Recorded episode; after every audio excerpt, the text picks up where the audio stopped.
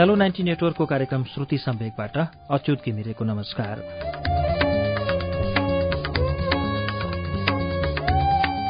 उज्यालो ninety network काठमाडौँसँगै देशभरिका विभिन्न FM स्टेशनहरूबाट एकैसाथ हरेक मंगलबार र शुक्रबार राति सवा नौ बजे कार्यक्रम श्रुति सम्वेक प्रसारण हुन्छ।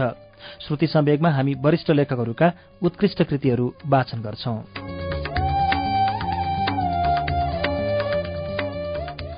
श्रुति सम्वेकको विगत तीन सातादेखिको श्रृङ्खलामा हामी किशोर नेपालको सहरको कथा उपन्यास वाचन गर्दै आएका छौं। आज पनि हामी यसै उपन्यासको तेस्रो श्रृङ्खला लिएर आइपुगेका छौं। सहरको कथा किशोर नेपाल जो आफै पत्रकार पनि हुनुहुन्छ उहाँको उपन्यास हो। यस उपन्यासमाथि भूमिका लेख्न हुने पत्रकारहरूमा विष्णु निष्ठुरी नेपाल साप्ताहिकका तर्फबाट लेख्नुहुन्छ सहरको कथाले भाषाको स्वच्छन्दतालाई प्रेम गरेको छ। यसले भाषाको पारम्परिक मर्यादाको पर्खालमा पहरा बसेका मानिसहरूको रक्तचापको सन्तुलन बिगारिदिन सक्छ। हालसम्म प्रयोग नभएका र वृहत शब्दकोशको भण्डार कक्षमा थन्किएका शब्दहरू प्रयोग भएका छन्। उपन्यासमा। यही उपन्यास सहरको कथाको तेस्रो श्रृङ्खला अब वाचन सुरु हुन्छ।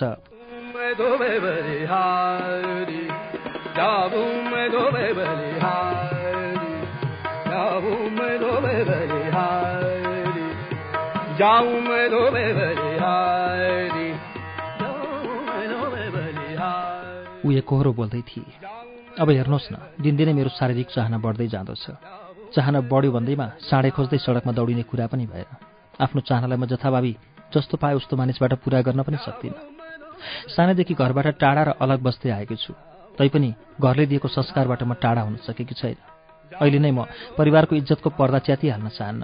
मलाई त्यो पर्दा र त्यो इज्जतसँग खासै मोह नभए पनि मेरा कारण बाबुआमा दुखी हुन् भन्ने म रत्तिभर चाहदिनँ। तैपनि निश्चितको त्यो फल खान कति मन लागेको होला मलाई।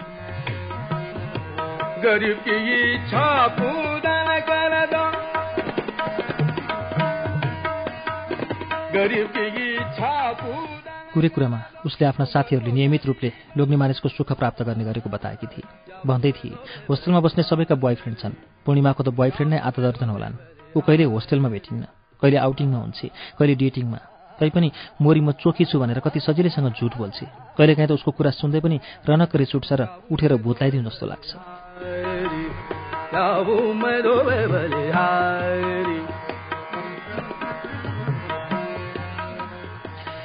अरुजाक मुखबाट पूर्णिमाको नाम सुनेपछि म अचानक गम्भीर भएको थिएँ।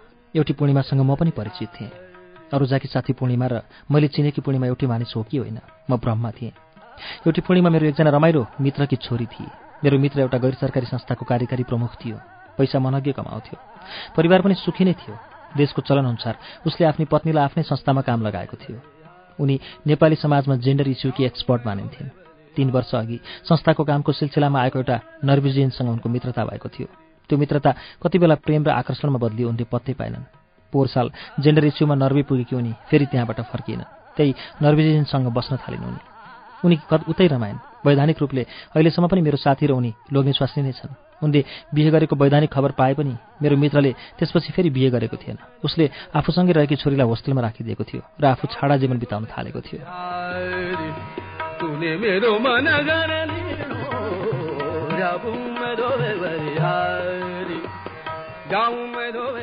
आवारा जीवन नै रमाइलो। उसले एकपटक मसँग भनेको थियो तन्ना फेरे जसो दिनौ आइमै फेर्न पाइन्छ। कुनै टन्टा पनि छैन दायित्व पनि छैन। प्लस टू पास गरेपछि छोरीलाई अमेरिका पठाइदिन्छु उसका मामाहरू छन् त्यहाँ त्यहीँ बस्छ पढ्छे। त्यसपछि त झन् मुक्ति नै मुक्ति बोलिसकेपछि ऊ खुब हाँसेको थियो। उसको हाँसो उन्मुक्त थियो तर त्यसमा जीवनको कुनै स्वाद होइन विषाद थियो कुनै आशा थिएन साह्रै निरस हाँसो थियो त्यो।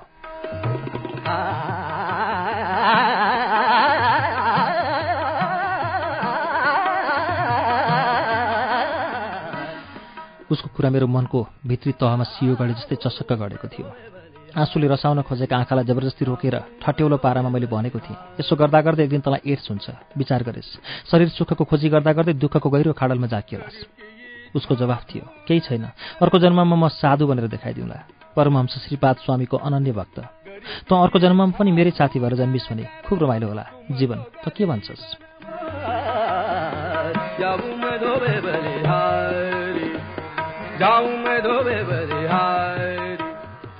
ठट्टै ठटामा नै उसले आफ्नो पीडालाई सपाट ढङ्गले अभिव्यक्त गरेको थियो। उसको कुराले म द्रवित थिएँ।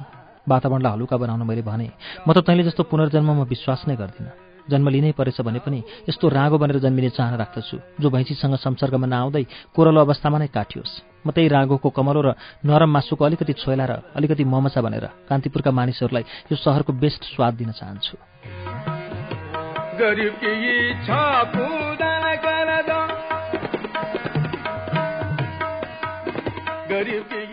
मेरो कुरा सुनेर ऊ गम्भीर भएको थियो। उसको आँखामा आँसु रसाएका थिए। ऊ बिस्तारै बोलेको थियो म त अहिले नै हान्ने रागो भइसकेको छु। किन गम्भीर भएको? अरोजाले घचघचाएपछि म स्वाभाविक बनेको थिएँ। ऊ भन्दै थिए मेरो कुरा सुनेर टोलाएका हो कि के हो? कि मन परेन मेरो बिहेको फिलोसफी? त्यसपछि उसले मेरो जवाफ फर्किन एकहोरो बोल्न थाली। हिजो नेटमा हेरेकी थिएँ एउटी हिन्दू केटी आफ्नै परिवारबाट निर्घात पिटिएछ केटीले बिहे गरेछ दलित जातिको केटासँग। भेट्ने बित्तिकै लभ परेछ उनीहरूको र लभ पर्ने बित्तिकै बिहे गरेछन् कोर्ट म्यारिज। यति एउटा मात्र कारणले मर्लान्त पारेर पिटेछन् केटीका दाजुहरूले बिचरीलाई। उनीहरूलाई आफ्नै बहिनीले ठुलो जातिको केटासँग प्रेम मात्र होइन बिहे नगर्दै सेक्स नै गरेको भए पनि आपत्ति थिएन अरे। विवाह त्यो पनि दलितसँग। केटीका दाजुहरू दलित जातिका मानिससँग कुनै पनि प्रकारको सम्बन्ध राख्न तयार रहेनछन्।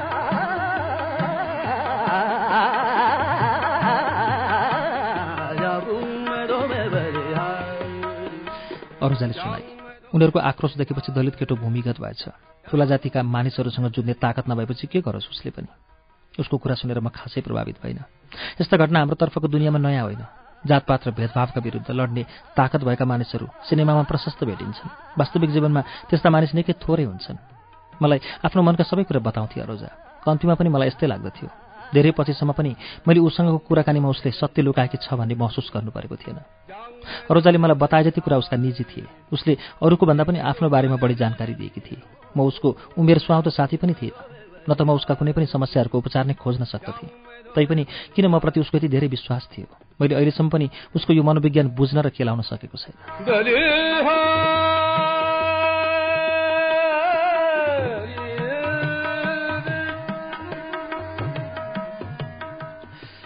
अरूजाले मसँग गर्ने कुराको शैली मात्रैले पनि हाम्रो सम्बन्धलाई अलग रूपमा स्थापित गरेको थियो।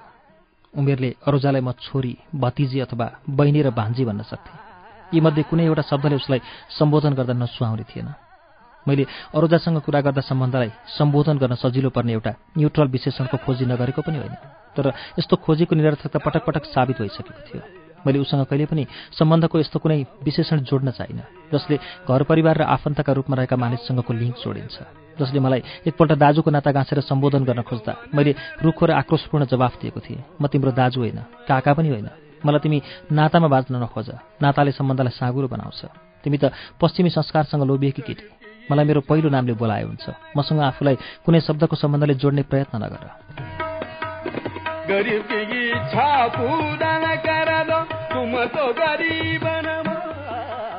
मेरो आक्रोश देखेर अरूजा हडबडाएकी थिए। निकै बेरपछि मात्र बोलेकी थिए। त्यसो भए म तपाईँलाई सर भनेर बोलाउँ त? सुनेर चुप भएको थिएँ। मैले कुनै प्रतिप्रश्न गर्न सकेको थिएन। अरूजा फेरि बोलेकी थिए तपाईँबाट म धेरै कुरा सिक्दैछु। त्यसैले सर भनेर बोलाउँदा नै राम्रो होला होइन र? मैले जवाफ दिएको थिएँ त्यसले के भयो त? युरोप अमेरिकातिरका विद्यार्थीहरू प्रोफेसर जतिसुकै दिग्गज भए पनि उसको नामै काटेर बोलाउँछन्। तिमीलाई थाहै होला। उसको जवाफ थियो। तर सर हामीलाई त एक कक्षादेखि नै यस सर भन्न सिकाएको छ नि। स्कुलमा गएको पहिलो दिन हाजिर गर्दा नै यस सर भन्नुपर्छ। यो वास्तविकतालाई बिर्सिनु भएन नि सर।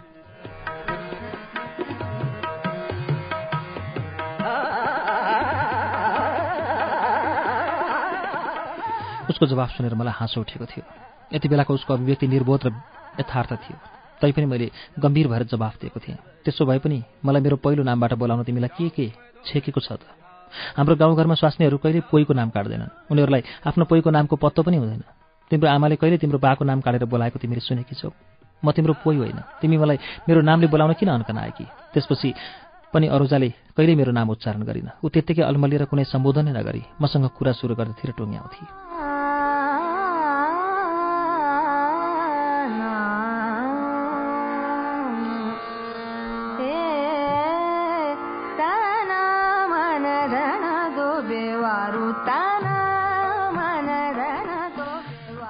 देशमा हिंसाको लहर चलेपछि ज्यान जोगाउन र काम खोज्न देशका विभिन्न भागबाट कान्तिपुर आउनेहरूको सङ्ख्या अलक्क बढेको थियो। सहर दिनौ जसो फोहोर र बिरसिलो भन्दै गएको थियो। मानिसको बढ्दो चापलाई थेक्न सक्ने काम थिएन कान्तिपुरमा। यहाँ आएर भौतारिएका मानिसहरू जुनसुकै काम गर्न पनि तयार हुन्थे। माओवादी सेनामा भर्ती हुनुपर्ने डरले उदयपुरको घाँसतिरबाट भागेर आएका एक दर्जन केटाहरूले सहरमा कुनै काम नपाएपछि बिहान बिहान टोलबाट फोहोर ओसार्ने काम थालेका थिए भने गाउँबाट सहर पसेका कतिपय केटीहरू भर्खरै खुल्न थालेका डान्स बारमा नाच्न र रेस्टुरेन्टमा वेट्रेसको काम गर्न थालेका थिए। सहरमा भकाभक खुल्न थालेका क्याबिन रेस्टुरेन्टहरू समाचारका स्रोत बन्न थालेका थिए। क्याबिन रेस्टुरेन्टमा सांसदहरू उच्च दर्जाका अधिकारीहरू र सहरका इज्जतदार व्यापारीहरूको अखाडा जम्ने गर्थ्यो कहिलेकाहीँ पुलिसको छापामा परे पनि प्राय सुरक्षित हुन्थे यस्ता रेस्टुरेन्ट कानुनका रक्षकका रूपमा बसेका मानिसहरूको मनोरञ्जनको थलो भनेकाले पनि हत्तपत्ती कारवाहीमा पर्ने डर थिएन।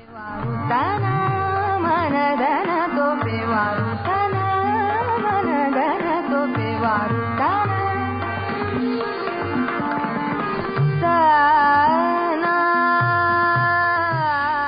आउटलेटहरूले सेक्सका मान्यता र अर्थहरूलाई बेग्लै धरातलमा उभ्याउन थालेका थिए। सेक्स गरिबीको बोझ बोक्न सक्ने माध्यम बन्न थालेको थियो। योग्यता र पुँजीका रूपमा सेक्सको प्रयोग हुन थालेपछि परम्परागत सामाजिक मान्यताहरू भत्किन थालेका थिए। नयाँ जमानाका धेरै मानिसहरूले यौवनलाई उपभोग्य वस्तुका रूपमा स्वीकार गरिसकेका थिए। सहरमा भौतारिरहेका केटा र केटीहरूको व्यवहारका अगाडि पुरानो जमानाको कुरा दन्ते कथा बन्दै गएको थियो। सुदूर गाउँहरूबाट कान्तिपुर छिरेका केटीहरू हिन्दी सिनेमा हेर्दा हेर्दै तिखारिएका सहरका पुराना बासिन्दाभन्दा फास्ट थिए। नयाँ यथार्थलाई स्वीकार गर्न नसक्नेहरू लाखापाखा लाग्न थालेका थिए।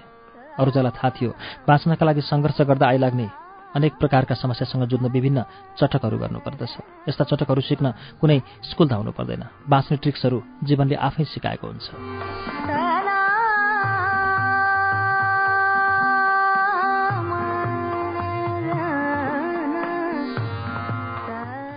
अरोजा भैरवा नजिकैको सानो गाउँबाट आएकी थिए। ऊ बेला बेलामा आफ्नो आमाको कुरा गर्थे। परिवारका बारेमा उसका कुराहरू पटकै पछि फरक मात्रै हुने होइन। परस्परमा बाजिएका हुन्थे। कहिले ऊ आफूलाई निकै हुने खाने परिवारको सदस्य बताउँथे। कहिले सामान्य किसानकी छोरी। मानिसहरूको ससाना सफलता देखेर अत्याधिक प्रभावित हुने बानी थियो उसको। सफलताका यस्ता कथा सुनेर ऊ आत्मविभोर हुन्थे। कहिलेकाहीँ उसको सम्पूर्ण चरित्र सहरको बद्लिँदो चरित्रसँग मिल्दोजुल्दो देखिन्थ्यो।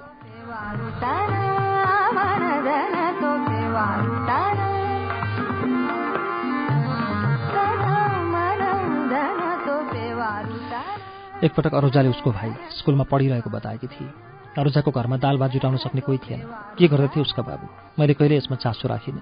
अरुजाको पारिवारिक समस्याको समाधान दिन सक्ने क्षमता थिएन मामा। उसको बाबुको बारेमा कसैले मलाई बताएको थियो। अरुजाका बाबु सामान्य सरकारी जागिर थिए। अभाव र गरिबीले उनको जीवनलाई साँच्चै असन्तुष्ट बनाएको थियो। गरिबी र असमानता विरुद्ध देशमा हिंसात्मक आन्दोलन सुरु भएपछि उनी हुलमुलमै क्रान्तिकारीहरूसँग नाता जोड्न पुगेका थिए। यो नाता धेरै दिन टेक्न सकेन। एक दिन आफ्नै पार्टीका साथीसँग भएको वाद विवादले चर्को रूप लिएपछि उनी पार्टीबाट विस्थापित भएका थिए। उनको वाद विवाद क्रान्तिकारी सेनाको निकै ठूलो कमान्डरसँग भएको थियो। घटनापछि पार्टीले उनलाई गद्दार घोषित गर्दै पार्टीको साधारण सदस्यबाट समेत निकालेको थियो। सरकारी सेनालाई सूचना दिने व्यक्तिहरूको सूचीमा उनको नाम लेखिएको थियो।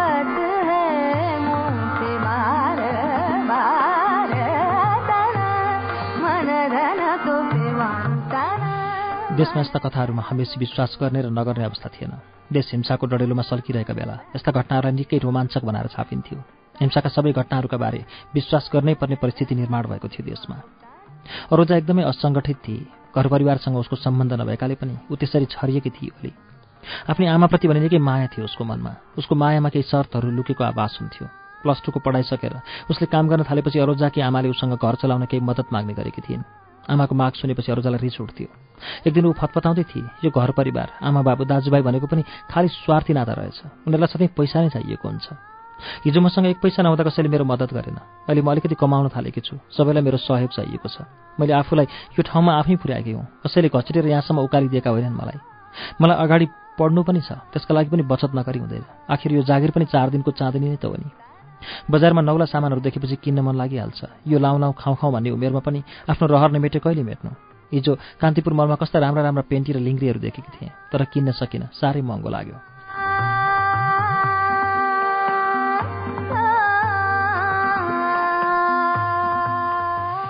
भोलिपल्ट अरोजा अर्कै मनस्थितिमा थिए। भेट्ने बित्तिकै उसले सुनाए आज मैले आमाका लागि कस्तो राम्रो स्वेटर किनेको छु हेर्छौ?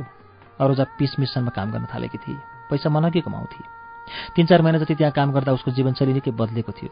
लुगा मात्र दिनको तिनपल्ट फेर्न थालेकी थियो। उसका उमेरका केटीहरूले कहिले नाम नसुनेका विदेशी ब्रान्डका पहिरनहरू उस साह्रै धनी परिवारबाट आएकी केटी जति देखिन थालेकी थिए।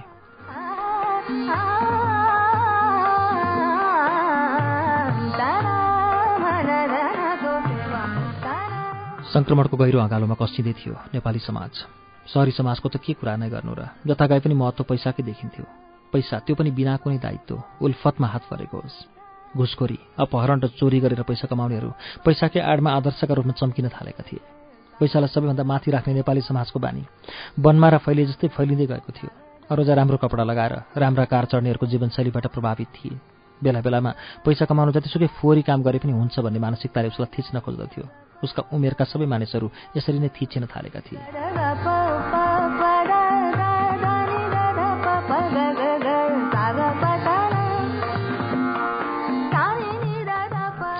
देशमा जे जति विवेकको उज्यालो जोगिएको थियो त्यो पनि धमिलिन थालेको थियो। सारा देश नै पैसाको पछाडि दौडिराखेको बेला अरोजा जस्तै तरुणी केटीमा पैसाप्रति साह्रै ठुलो लिप्सा थियो भने के नै आश्चर्य भयो। र तर अरोजा आफू पैसाका लागि जे पनि गर्न तयार भएको कुरा दोहोऱ्याइरहन्थे। मेरो अगाडि अरूभन्दा अलिकति फरक देखाउन चाहन्थे आफूलाई।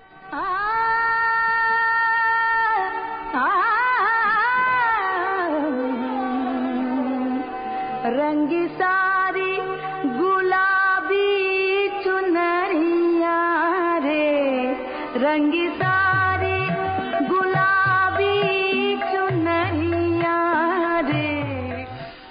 दिन बिहान मैले अरूजालाई फोन गरेँ। उसले मोबाइलमा सिआरबिटी सर्भिस लिएकी रहेछ फोन नउठ्दासम्म एउटा प्रचलित सेक्सी गीत बजिरह्यो। जरा जरा टचमी टचमी जरा जरा किस्मी किस्मी जरा जरा होल्ड मी होल्ड मी। उसले मोबाइलमा सुनाएको गीतले मलाई तानिरहेको थियो। एकैछिनमा उसले फोन उठाएर मैले हलो भन्न नपाउँदै बोल्न थालेँ। थाहा पाउनुभयो चार दिन अघि मेरो पहिलो बोयफ्रेन्ड अमेरिकाबाट आइपुग्यो। दुई दिनदेखि म उसैसँग घुमिरहेकी छु। हिजो दिनभरि उसलाई मार्केटिङमा सघाएँ। हिजै मैले थाहा पाएँ ऊ मसँग अझै प्रेम गर्दो रहेछ। मैले पनि उसलाई माया गर्न छाडेकी रहेनछु।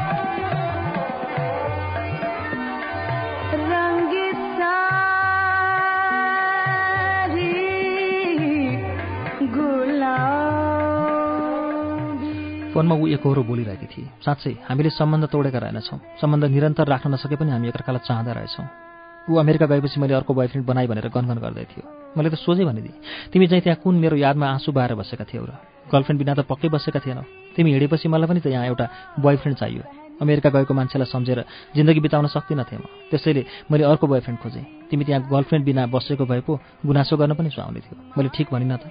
लगातार एकहोरो बोलिरहेकी थिएँ। मैले मोबाइल डिस्कनेक्ट गरिदिएँ। No.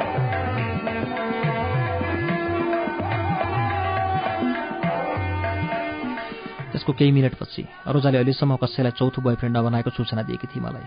बोयफ्रेन्ड बनाउने कि नबनाउने निदो गर्न सकेकी थिएन उसले। ऊ दुविधाकै अवस्थामा रहेका बेला उसको दोस्रो बोयफ्रेन्डसँग सम्बन्ध सुध्रिएको थियो। उसँग भेट भएपछि अरोजाले आफ्नै चाहनाअनुसार आफ्नो एक्स बोयफ्रेन्डसँग रात बिताएकी थिए भन्थे रात बढी भावनात्मक र कम उत्तेजनात्मक हिसाबले बित्यो उसले रात बिताउनु र सम्बन्धलाई निरन्तरता दिनुलाई बेग्ला बेग्लै विषय बनाएकी थिए उसको दोस्रो बोयफ्रेन्डले बिहे गर्ने प्रस्ताव गरेको थियो। टेलिफोनमा ऊ मलाई सोध्दै थिए म उसलाई के जवाफ दिउँ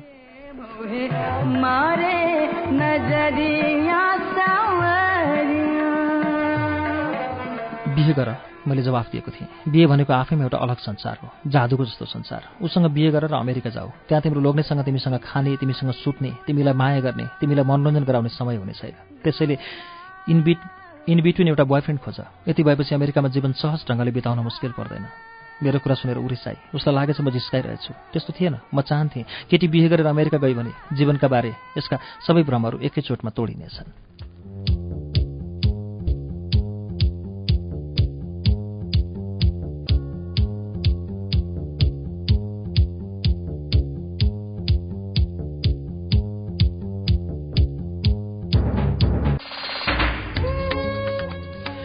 कार्यक्रम श्रुति सम्वेक तपाईँ अहिले उज्यालो नाइन्टी नेटवर्क काठमाडौँसँगै इलाम एफएम रेडियो ताप्लेजुङ झापाको एफएम मेचेट्युन्स र बिर्ता एफएम धरानको विजयपुर एफएम भोजपुरको रेडियो चोमलुङमा एफएम सिन्धुलीको रेडियो सहारा खोटाङको हलेसी एफएम बर्दिवासको रेडियो दर्पण सर्लाहीको रेडियो एकता रौतहटको नुन्थर एफएम रामेछापको रेडियो तीनलाल खोटाङको हलेसी एफएम दोलखा जिरीको रेडियो हिमाली धादिङको रेडियो बिहानी र धादिङ एफएम नुवाकोट एफएम मकवानपुरको हेटौँडा एफएम र प्रतिध्वनि एफएम चितवनको रेडियो अर्पण रेडियो त्रिवेणी र रेडियो चितवनमा पनि सुनिरहनु भएको छ। त्यसै गरी फलेवासको रेडियो पर्वत रुकुमको रेडियो सिस्ने पाल्पाको श्रीनगर एफएम पोखराको रेडियो तरंग दमौलीको रेडियो भानुभक्त तनहुको रेडियो ढोर बाराही बागलुङको रेडियो सारथी एफएममा पनि श्रुति सम्वेक सुन्दै हुनुहुन्छ।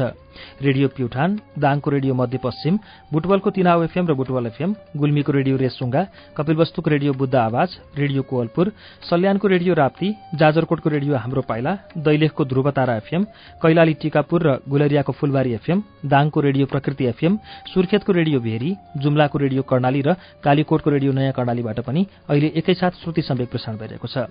श्रुति सम्वेकमा हामी आज किशोर नेपालको उपन्यास सहरको कथाको वाचन सुनिरहेका छौं। यसको बाँकी अंश वाचन अब सुनौ।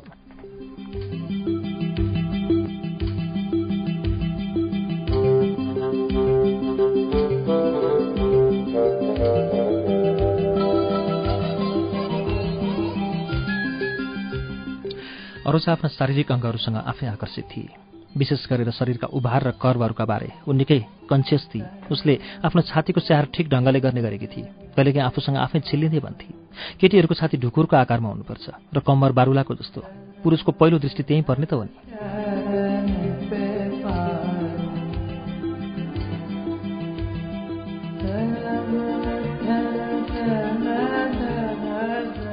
शरीरको अन्य अङ्गहरूको स्याहार सुसार गर्ने कलामा पनि ऊ पारङ्गत थिए।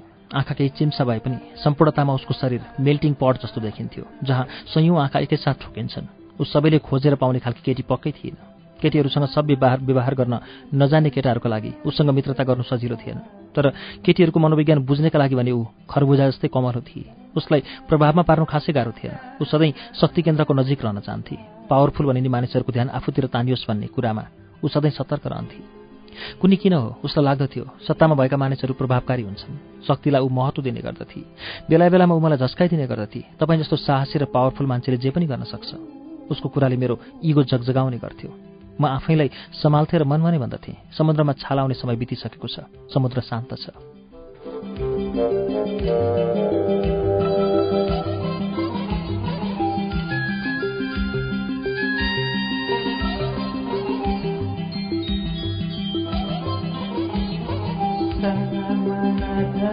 एकपल्ट उसले मसँग अमेरिकी भिसा दिलाइदिन अनुरोध गरी। मैले भने तिमी आफै गरेर नियमपूर्वक अप्लाई गर। पाइहाल्छौ नि। उसले तत्काल जवाफ दिएकी थिए। अमेरिकाको भिसा पाउनु त्यति सजिलो छैन सर। यो त धेरै ठुलो कुरा पो हो त। कुनै महत्त्वपूर्ण मानिसले सिफारिस नगरेसम्म कहाँ दिन्छन् अमेरिकनहरूले त्यति सजिलै भिसा? म उसको पहिरनमा निकै ध्यान दिने गर्दथेँ। गर्मी महिनामा उसको पहिरन आकर्षक हुन्थ्यो। त्यो मौसममा उसलाई देख्दा जिब्रोमा जापानी खाना सुसीको स्वाद आउँथ्यो। पसिनाले लथपथ भिजेकी अरोजा खुब चम्किने गर्दथे। उसको शरीरबाट गुलाबजलले नुहाएको जस्तो पिपरमेन्ट मिसिएको जस्तो कस्तो कस्तो मादक बासना आउने गर्दथ्यो। जाडोमा अरोजासँग नारिएर बस्दा निकै गर्मी उत्पन्न हुन्थ्यो शरीरमा। अरोजालाई भने आफ्नो सौन्दर्यभित्र छिपेको निर्णायक शक्तिको पत्तो थिएन। उसको जस्तो नाच नखरा भएका केटीहरूले धेरै महत्त्वपूर्ण मानिसलाई आफ्नो बसमा पार्न सक्थे। यसका लागि उनीहरूले आफूलाई समर्पित गरिहाल्नु पनि पर्दैन थियो। त्यो वशीकरण मन्त्र जान्दैन थियो अरोजा।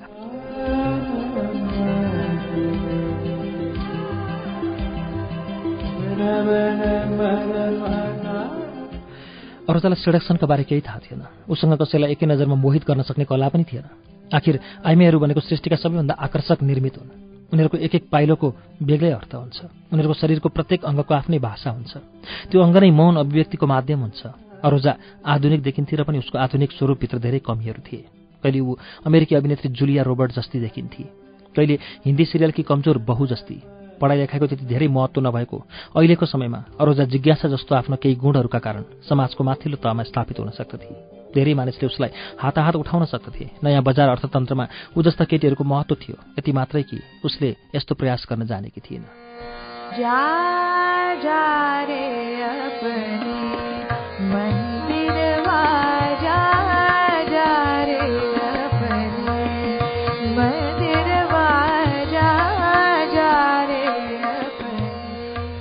सारिकासँग मनमा नै जलन हुन्थ्यो अरूजालाई।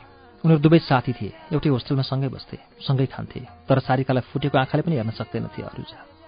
सारिकालाई आधुनिक जीवनका सबै पक्षको राम्रो ज्ञान थियो। कोसित कसरी बोल्नुपर्छ र कोसित मित्रता गर्दा कति फाइदा उठाउन सकिन्छ। विचारमा पनि ऊ सहज र मुक्त देखिन्थे।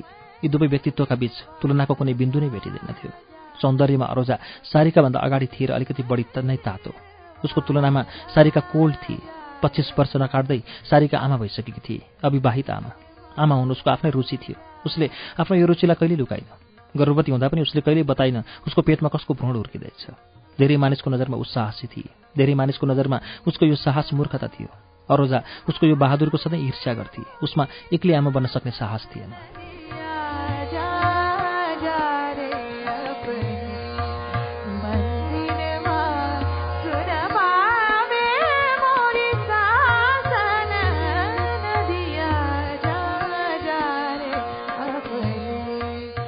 सारिकासँग मेरो दोस्ती नहोस् भन्ने चाहना राख्थेँ अरोजा। कहिलेकाहीँ मैले सारिकालाई खाजामा बोलाएको सुईको पाउने बित्तिकै अरोजा कराउन थाल्दथे। एक दिन अरोजाले बडो उत्तेजित भएर मसँग भनेकी थिए त्यसलाई तपाईँले चिन्नुभएकै छैन। मानिस फसाउन माहिर छ त्यो केटी। त्यसले तपाईँलाई पनि फसाउली। उसँग सुत्न पानी लोभमा फस्नुभयो भने तपाईँ जीवनका भरका लागि उसँग फस्नुहुनेछ। जीवनभरि तपाईँसँग बार्गेनिङ गरेर उसलाई एकै रात तपाईँसँग बिताउन पाए पुग्छ।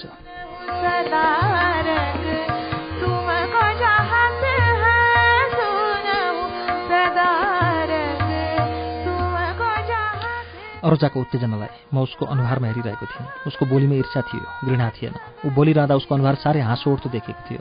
मैले मनको कुनै पनि कुनामा सारिकासँग सुत्ने कल्पना पनि गरेको थिएन। सारिकाको अनुहार हँसिलो भए पनि त्यसमा सेक्स अपिल थिएन। सधैँ कुनै सोचमा डुबिरहने कुनै चिन्तनमा हराइरहने। सारिका बेग्लै थिए तैपनि ऊ कसैसँग सुटी उसँग सुत्नेको अनुभव त्यति सुखद रहेन होला। सारिकाको स्वभाव कसैसँग आत्मीय भइहाल्ने खालको थिएन पनि।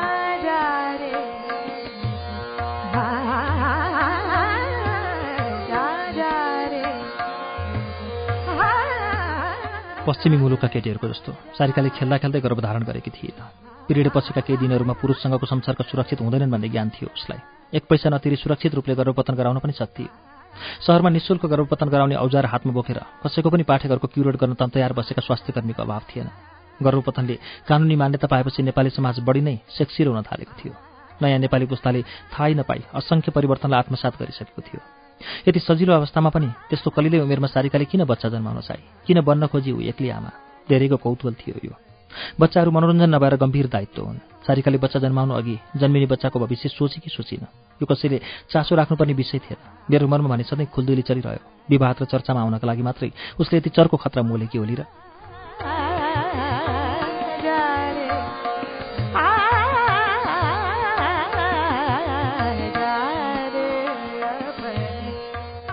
कतिपय मानिस विवादमा मुछेर प्रसिद्ध हुन चाहन्छन्। बिछरी चारिका उसले त्यही चाहेकी हो भने पनि उसका लागि परिणाम त्यस्तो भएन। बच्चा जन्माउने अस्पतालको बेडमा सुतेको बेलादेखि ऊ सम्पूर्ण समाज र साथीहरूबाट एक्ली।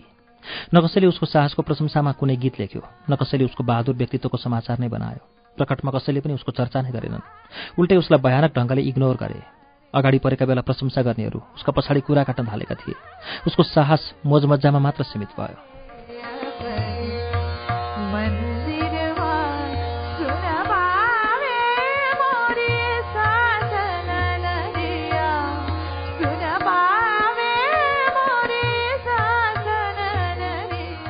सारिकाले बच्चा पाएपछि बरु मानिसहरूको उत्सुकता अन्यत्रै मोडियो। कसको बच्चा पाइछ त्यसले? को रहेछ बच्चाको बाबु? सहरमा अनुमानको सानोतिनो पहाड नै खडा भयो। एउटा ठुलो समाचार पत्रको सम्पादकदेखि सहरको चर्चित उद्योगपतिसम्म सारिकासँग जोडिन पुगे। एउटा फोटोग्राफर पनि सन्देहको घेराभित्र पर्यो। एउटा उच्च तहको राजनीतिज्ञ समेत सारिकासँग मचियो। समाजका सबै प्रतिनिधि बनिने पात्रहरूलाई बडो सजिलोसँग शङ्काको घेराभित्र पारिदिए सारिकाले।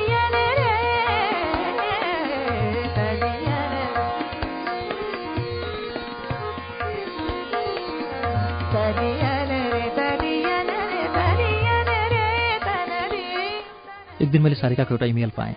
लेखेकी थिएँ मलाई एउटा नोकरी चाहियो। म आफ्नो बच्चोलाई पाल्न चाहन्छु। म माथि तपाईँको दया रहोस्। तपाईँलाई मेरो अवस्था राम्ररी थाहा छ। अविवाहित आमा हुनु पीडादायी हुने रहेछ। बिहे नगरी आमा बन्ने इच्छा त मेरै हो। आजको समयमा सबैलाई आफ्नो जीवनको बाटो आफै चुन्ने स्वतन्त्रता छ। तपाईँ जस्तो मान्छेले पक्कै पनि यो कुरा बुझ्नुभएको हुनुपर्दछ। मलाई सारिकाको इमेलको जवाफ दिनुपर्छ जस्तो लाग्यो। मैले रिप्लाई बटन दबाएर लेखेँ प्रिय सारिका म तिम्रो साहसको कदर गर्छु। तिमीलाई सकेको मद्दत पनि गर्न चाहन्छु। के के सम्भावनाहरू सक्छन्? म त्यसको खोजी गर्नेछु।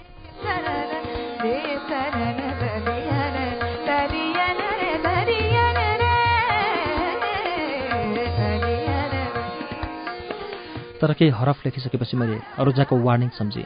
म एकदमै कमजोर भएँ। मेरो कथित सामाजिक प्रतिष्ठाले मलाई बेसरी घचघचायो लल्याक लुलुक भयो मेरो शरीर। मैले लेखिसकेको मेल डिस्कार्ड गरिदिएँ। यो मेल मेरा लागि विपत्ति पनि बन्न सक्ने आशंकाले थिच्यो मलाई। मैले उसका लागि खोज्न सक्ने कुनै काम थिएन। मलाई लाग्यो अर्काको जिन्दगीको निजी मामिलामा म किन नाक घुसार्दै म आफ्नो काँधमा अनावश्यक अतिरिक्त बोझ थपेर आफै किन दुःखी बनाऊ उसका लागि काम खोज्न जाँदा कसैले मलाई नै उसको बच्चाको बाबु भएको आशंका गर्न पनि के बेर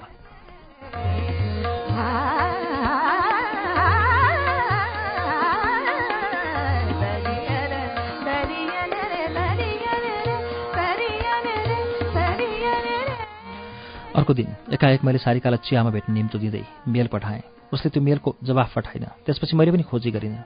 लामो समयसम्म मेरो र उसका बिच सम्वाद हुन सकेन। महिनौपछि एक दिन उसले मलाई फोन गरेर भेटघाटका लागि समय मागे। उसको आवाजैले थाहा हुन्थ्यो ऊ चिन्ताग्रस्त छे ऊ मलाई किन भेट्न चाहन्थे? त्यो स्पष्ट थिएन।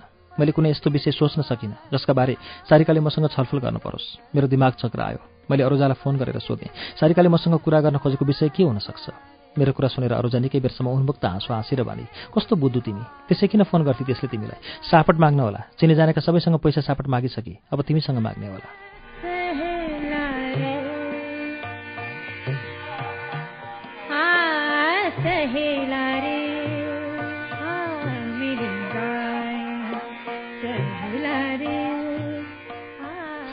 मलाई अरोजाको भनाइ मन परेन।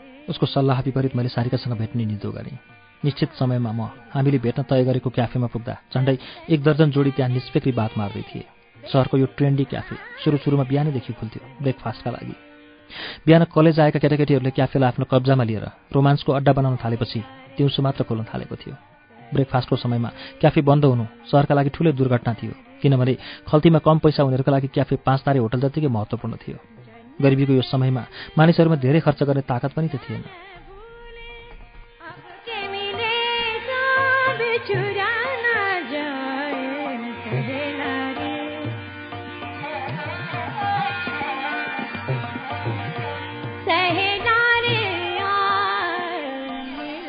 क्याफेमा मैले उसलाई निकै बेर पर्खेँ।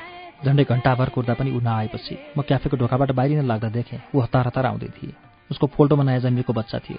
नमस्ते गर्दै ऊ मेरो अगाडि ठिङ्ग उभिएर भने सरी सर ट्राफिक जामले गर्दा म आइपुग्न ढिलो भयो। सहरमा समयको प्रवाह नगर्ने पैदल यात्रीहरूको लागि पनि ट्राफिक जाम एउटा महत्त्वपूर्ण बाहना बनिसकेको थियो। म आफूले भर्खरै छोडेको टेबलमा फर्केँ। उसले एकैसाथ दुई थरी खाना अर्डर गरी उसको अर्डर सुनेर मलाई लाग्यो साह्रै भोकागी रहेछ ऊ त्यसपछि ऊ बोली सर म त साह्रै ठुलो फ्लप भएँ नि। ममा उन्नति गर्ने कुनै ल्याकत नै छैन जस्तो छ। Lack of LICC.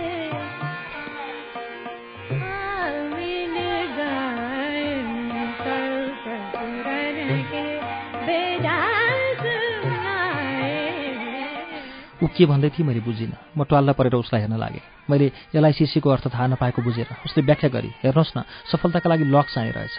लकलाई चम्काउन लेबर पनि गर्नुपर्ने रहेछ। चाकडी नगरी लक र लेबर मात्रै पनि काम नलाग्ने रहेछ। त्यसैले मैले यो छोटो शब्द बनाएँ कि एलआइसिसी अर्थात् लक लेबर चाकडी र चान्स शब्दहरूको उसको यो निर्बोध व्याख्या सुनेर मनज्ञ हाँसेँ म। ऊ इन्टेलिजेन्ट र स्मार्ट थिए। अर्डर लिने वेटरले सारिकाको अनुहारको भोकलाई बुझे सिकारे टेबलमा छिट्टै खानेकुरा आइपुग्यो। खानेकुरा जति छिटो आयो त्यति नै छिटो खाइसके सारिकाले। खाइसकेपछि तृप्त भएर निसङ्कोच भने साह्रै भोकाएकी थिए।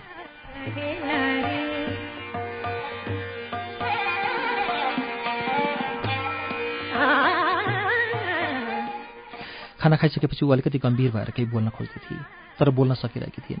मैले आशंका गरे जस्तो उसले काम नपाएको चर्चा पनि गरिनँ। अरूजाले भने जस्तो पैसा पनि मागिनँ। उसले आफ्नो बारेमा कुनै कुरै गरिनँ। मैले पनि उसँग खासै केही सोध्न चाहिनँ। एक दिन अरूजा न्यु रोडमा भेटी ऊ एकनासले आफ्नै तालमा केही गुनगुनाउँदै हिँडिरहेकी थिए।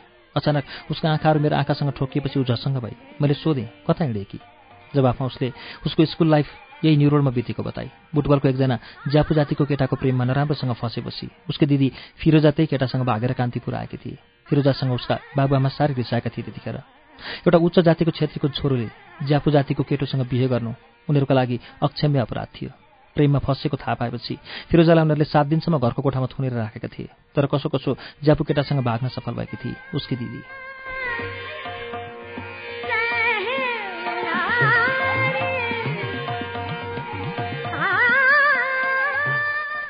उनीहरूले प्रेम विवाह गरे। फिरोजाले चुनेको त्यो केटो निकै धनी परिवारको एक्लो छोरो थियो। बिहेपछि फिरोजाले अरू कुनै काम गरिन। लगातार बच्चा मात्र जन्माइरहे। आधा दर्जन बच्चा बच्ची जन्मिएपछि मात्रै उसको प्रजननको बेग रोकियो। अहिले फिरोजा कान्तिपुरमा आरामसँग जिन्दगी गुजारिरहेकी छ। भिनाजु कान्तिपुरको सफल व्यवसायी मानिन्छ। अरूजाले भनेकी थिए भिनाजु निकै सुन्दर र धेरै फुर्तिलो छ। उसलाई लेडी किलर भने पनि हुन्छ। आमा बाबुले जतिसुकै विरोध भए पनि अरोजा पढ्न आउँदा यो सहरमा उसका दिदी भिनाजु बाहेक अरू कोही सहारा थिएनन्। सहरमा ऊ दिदीकै संरक्षणमा हुर्किन थालेकी थिए। उसका आमा बाबुलाई यो कुरा मन परेको थिएन। उनीहरूसँग अर्को विकल्प पनि थिएन।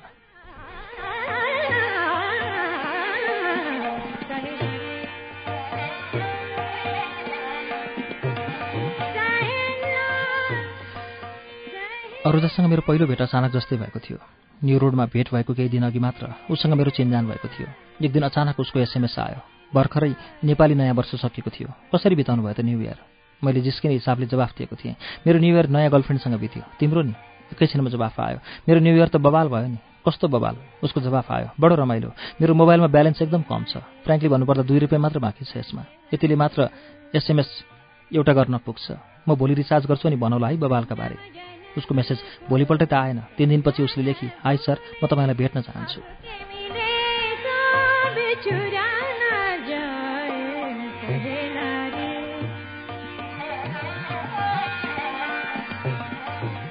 मैले जवाफ दिएको थिएँ हुन्छ आज साँझ छ बजेपछि म फ्री छु। उसले जवाफ दिए हुन्छ तर सात बजेसम्म मलाई होस्टेल फर्किसक्नुपर्छ। ढिला हुने भए त्यही अनुसार इन्फर्म गर्नुपर्छ वार्डेनलाई। हामी कहाँ भेट्छौँ? मैले देखेँ तिमी छ बजी मलाई फोन गरेर नहुन्न उसँग मैले त्यो साँझ कफी सपमा बिताएँ। त्यति बेला मलाई उसको शारीरिक आकर्षणले तानेको थिएन। मानसिक रूपमा पनि अरूजा धेरै चञ्चल लागेकी थिए मलाई। हरेक पल र हरेक क्षण ऊ आफूलाई अरूभन्दा भिन्न देखाउन खोज्दथे र पनि उसको गाउँले पारा छँदै थियो। उसँग मेरो यो पहिलो भेट थियो यति नजिकबाट। दुई व्यक्तिहरूबीच भेटेको पहिलो दिन औपचारिकतामा सकिने गर्दछ। मेरो र उसको बीच त्यसो भएन। मसँगको उसको व्यवहार साह्रै सहज थियो। हामी पहिलोपटक यसरी चिया पिउन बसेका छौँ भन्ने मलाई लागेन। हामी बीच असामान्य कुराहरू भने केही भएनन्। खालि हाहा र हिमा बित्यो साँझ। छुट्टिने बेला उसले भने तपाईँ त मैले सोचेभन्दा धेरै भल आदमी पो हुनुहुँदो रहेछ। म कस्ती लागेँ तपाईँलाई?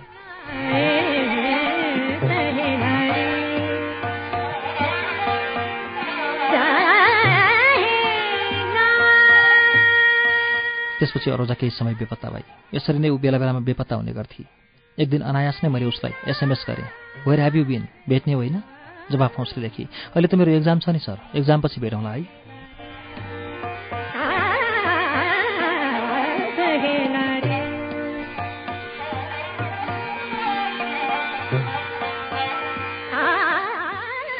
समयको एउटा अन्तराल सकियो मैले अरूजालाई बिर्सेँ। आफूले चिनिजानेका साथीभाइ सबैलाई बिर्सेँ। राजनीतिक दलहरूबीच शान्ति कायम गर्ने सहमति भइसकेको थियो। देशमा उत्पन्न भएको नयाँ राजनीतिक परिस्थितिको नालीबेली उतार्ने संस्थाहरू चुटारोमा थिए। मेरो अफिसले शान्ति स्थापनाको अभियान मजबुत तुल्याउन एउटा राम्रै ठेक्का पारेको थियो। कामको चटारोले मलाई थिचेको थियो। हजारौँ मानिसहरूलाई सुख दिने कल्पनामा लाखौँ मानिसलाई दुःख र पीडाको पोखरीमा हेलिदिने हिंसात्मक राजनीतिका कारण भयभीत मानिसहरूको भिड बढ्दै थियो। कसैले पनि आफ्नो जीवनको टुङ्गो पत्ता लगाउन सकेको थिएन। पुरै देश अत्यन्त कर्कश कोलाहालभित्र डुबेको थियो।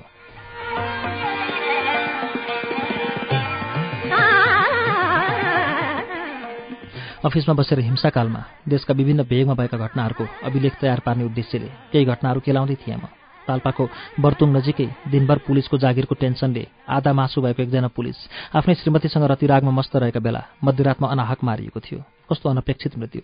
मैले सोचेँ ऊ पुलिस नभएर दिनभरिको कामको चटारो र झन्झटपछि स्वास्नीलाई ढुक्क माया गरिरहेको मानिस नभएर देवीलाई बलि चढाउन ठिक्क पारिएको कालो बोको थियो जसको गर्दन देशको नाममा चिनालियो अर्घाखाँसीको ठाडा गाउँ नजिकै लुकीछिपी आफ्ना बाबुआमालाई भेट्न आएकी एउटी विद्रोही छापा केटी आधा दर्जन सरकारी सिपाहीहरूको बलात्कारको शिकार भएकी थिए।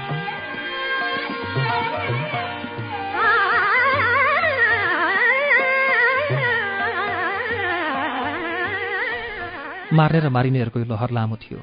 हिंसा माघको असिना जस्तै उहिलेको थियो। गोली लागेको मानिसको शरीरबाट झुल्किएको तातो रगत जमिनमा खस्न नपाउँदै जमिसकेको हुन्थ्यो। कुनै एउटा घटनालाई समातेर संवेदनशील हुन सक्ने अवस्था नै थिएन। हिंसाको चाप अचाक्ली बाक्लो थियो।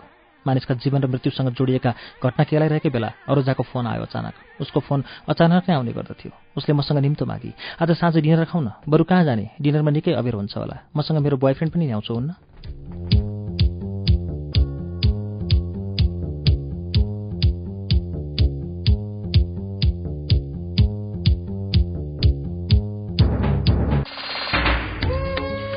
श्रुति सम्वेकमा अहिले हामीले सुनेको वाचन किशोर नेपालको उपन्यास सहरको कथाको तेस्रो श्रृङ्खलाको वाचन हो।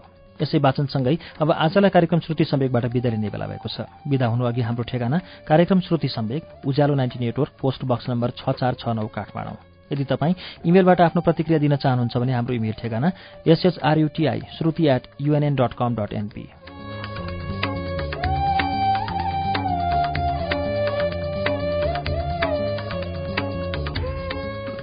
हवस् त अर्को साता सहरको कथाको चौथो श्रृङ्खला लिएर आउनेछौँ। त्यसअघि मङ्गलबारको श्रृङ्खलामा कृष्ण धरावासीको उपन्यास पाण्डुलिपिको वाचन हुनेछ। आजका लागि प्राविधिक साथी दिनेश निरौला सहकर्मी मण्टेश्वरी राजभण्डारी र म अच्युत घिमिरे विदा चाहन्छौ। शुभरात्री।